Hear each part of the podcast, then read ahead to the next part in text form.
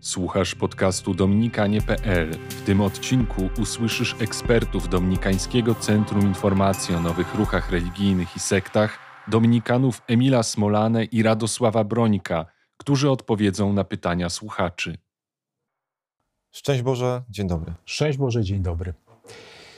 I kolejne pytania w dzisiejszym filmie, y, na które spróbujemy y, dla Was odpowiedzieć. Pojawił się temat i pytanie dotyczące y, książek na temat Harry'ego Pottera. Zacytuję fragment wypowiedzi. Temat stary jak nowe tysiąclecie, książki na temat Harry'ego Pottera. Co ksiądz, co dominikanin, to inne zdanie. To też jest ciekawe. To jest właśnie też czasami problem poruszania się w takiej rzeczywistości religijnej, jak są tak różne stanowiska. I ten, ta osoba, która zadała pytanie, mówi, że, że to pokazuje świat, w którym ludzie wchodzą w sferę okultyzmu, są, sami chcą manipulować siłami świata. Osobiście i na podstawie własnych doświadczeń uważam to za zagrożenie duchowe, zwłaszcza dla, dla osób młodych i wrażliwych.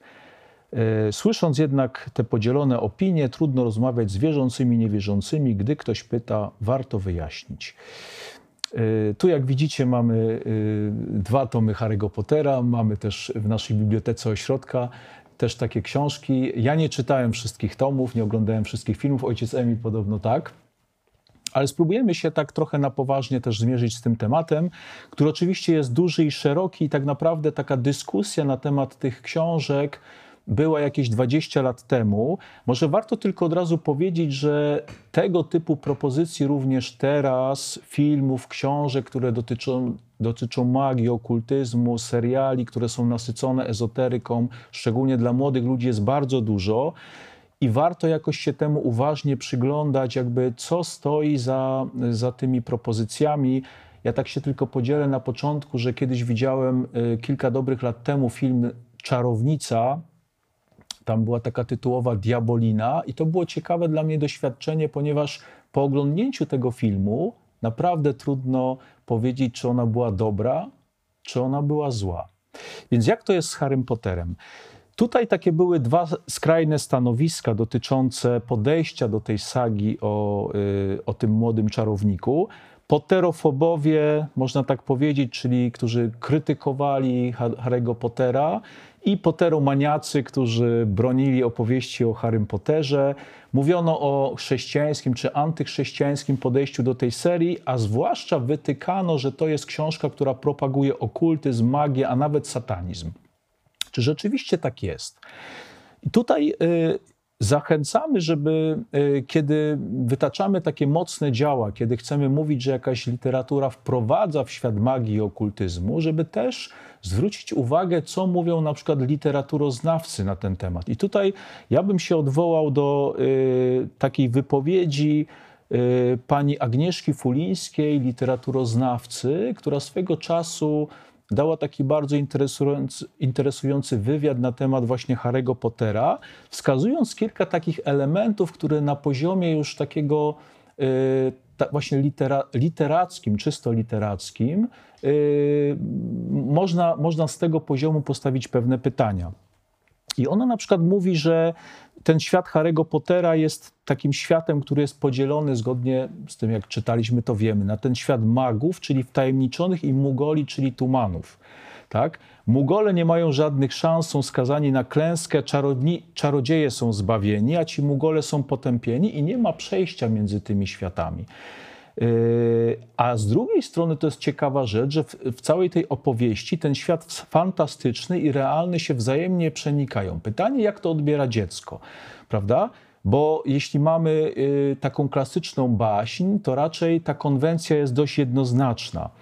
Y, dalej ona na przykład mówi o tym, że w klasycznej fantazy, czy w takiej właśnie bajki, bohaterowie są przygotowywani do walki ze złem, poddawani próbom, i ona zwraca uwagę, że czegoś takiego jej zdaniem tutaj nie ma, y, że jest jakieś pewne złamanie takiej baśniowej konwencji. Y, proszę zobaczyć, że jeśli na przykład przywołamy tutaj Yy, Władcę Pierścieni. Yy, ja osobiście bardzo lubię Władcę Pierścieni, w ogóle lubię Tolkiena czy też Louisa opowieści z Narni.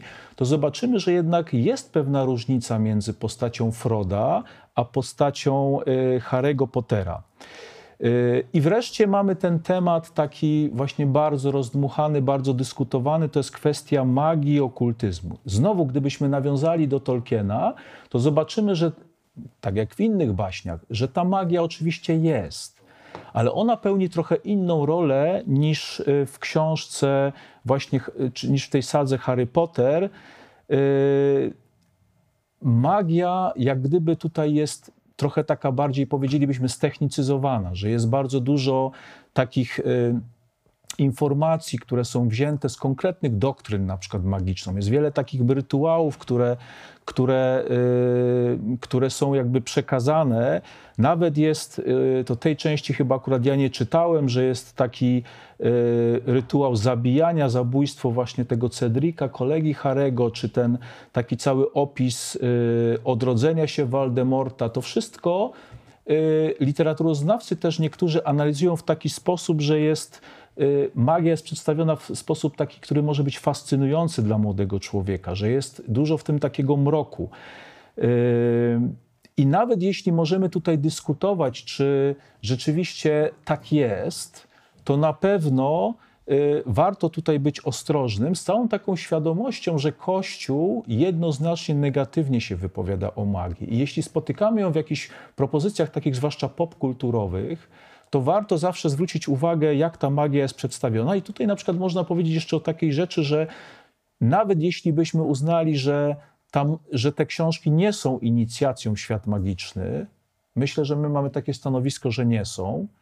Nawet jeśli ta magia pełni tam swoją rolę, to jest problem tych ogonów magicznych, czyli takich właśnie produkcji popkulturowych, które są adresowane do młodzieży, które czasami wprost wprowadz- wprowadzają w takiej formie zabawowej w taki świat magii okultyzmu. Wróżenie z kart, wahadełka, eksponowanie takiego zła i przemocy. Więc na to na pewno warto zwracać uwagę.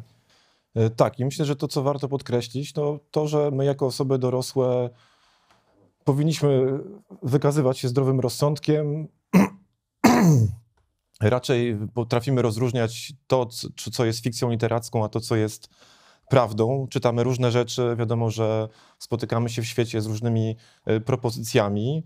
I samo to, że z taką propozycją się spotkałem, przeczytałem, nie powinno mieć na mnie wpływu, bo potrafię oddzielić to, co jest y, jakąś rzeczą czy złą, czy jakąś rzeczą, z którą się nie zgadzam, zgadzam, czy taką, która jest jakoś dla mnie wartościowa. My to potrafimy robić.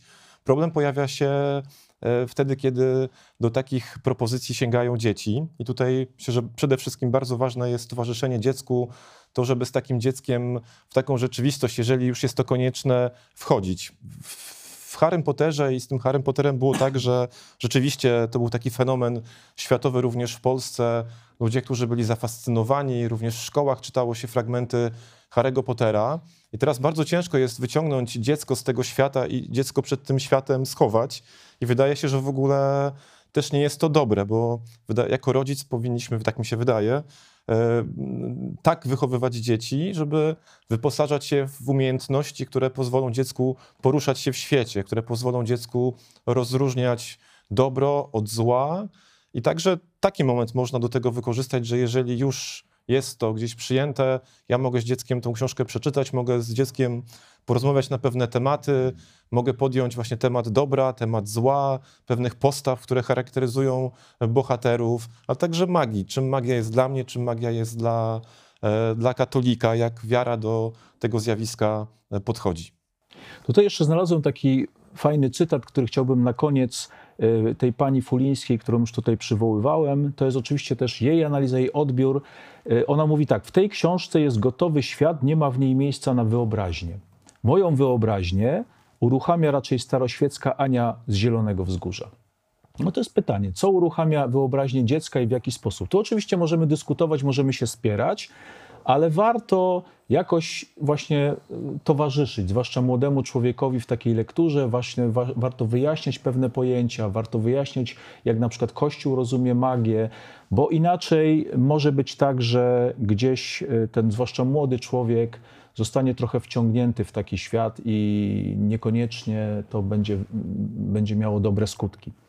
Teraz mamy jeszcze pytanie y, kolejne, które jest następujące. Na ile wiarygodne są umiejętności mediumiczne osób, które twierdzą, że komunikują się ze zmarłymi, czy też raczej duszami, duchami, czy taki kontakt jest możliwy. Często takie osoby podają fakty, które zdają się potwierdzać prawdziwość ich zdolności. Czy rzeczywiście można wierzyć, że zmarli chcą nam coś przekazać i to, co robią ci ludzie, jest jakimś Bożym darem, jest dobre? Czy raczej wszystkie takie zdolności wiążą się z wejściem pod wpływ, pod wpływ złych duchów?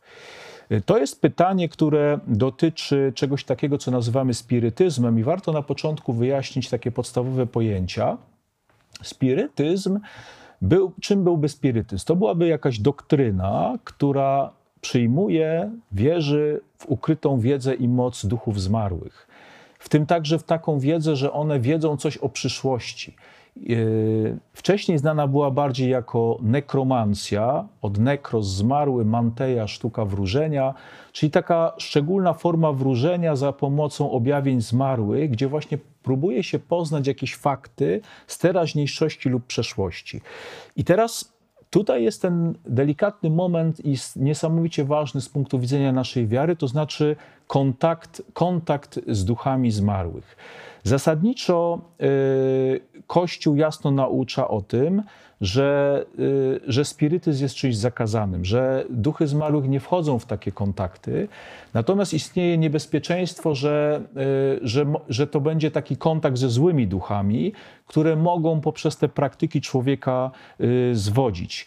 Dodatkowo też trzeba powiedzieć z punktu widzenia takiego naukowego, że no, nauka w żaden sposób nie potwierdza tego, że, że taka jakaś możliwość kontaktu jest. Oczywiście ci, którzy przyjmowali tę doktrynę spirytyzmu, mówili, że jest to możliwe, ale nauka w żaden sposób tego nie potwierdza. Natomiast podkreślmy, Biblia tradycja Kościoła, nauczanie Kościoła bardzo jasno mówią na temat takiej negatywnej oceny tych praktyk. Y, zacytuję katechizm, który mówi o tym w, y, w kontekście pierwszego przykazania i mówi tak, że należy odrzucić wszelkie formy, y, wszelkie formy wróżbiarstwa, odwoływanie się do szatana lub demonów, przywoływanie zmarłych lub inne praktyki mające rzekomo odsłaniać przyszłość. Korzystanie z horoskopów, astrologia, tam później katechizm wymienia różne praktyki i mówi, są przejawami chęci panowania nad czasem, nad historią i wreszcie, i wreszcie nad ludźmi.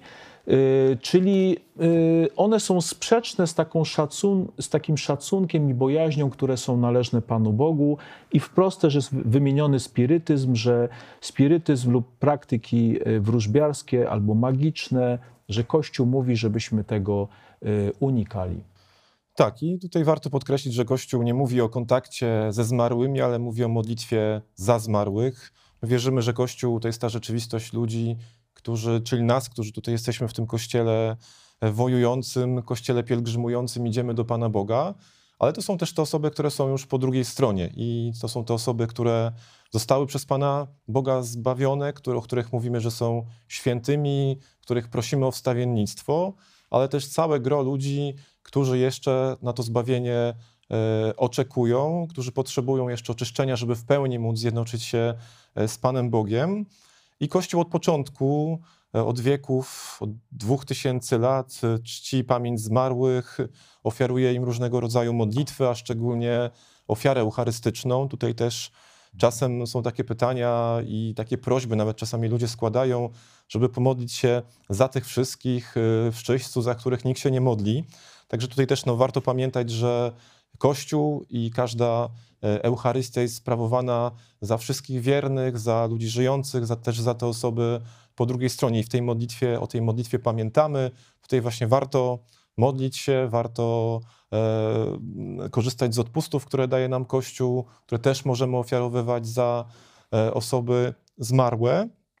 I tutaj oczywiście czytając e, różnych też życiorysy różnych świętych, Pan Bóg dopuszcza czasami taki kontakt, czasami e, czytamy o takim, takich momentach, kiedy osoby, które są już po drugiej stronie, przychodzą do danego świętego. Na przykład taki opis jest zawarty w dzienniczku siostry Faustyny. Do siostry Faustyny przychodzi siostra, która e, umarła i prosi siostrę Faustynę o modlitwę. Także też tutaj jest ta różnica. Tutaj nie jest ktoś, kto z ciekawości kontaktuje się ze zmarłym, kto próbuje techniki, kto próbuje wydobyć od tego zmarłego jakąś wiedzę na temat y, tej naszej rzeczywistości, przyszłości, ale to są osoby, które przychodzą, proszą o modlitwę, jakoś Pan Bóg na to w niektórych przypadkach zezwala i patrząc na te życiorysy, możemy powiedzieć, że takie miejsca, tak, że zdarzały się takie, takie przypadki i pewnie się zdarzają. Natomiast bądźmy roztropni i na pewno módlmy się za zmarłych, a nie szukajmy z nimi kontaktu, zwłaszcza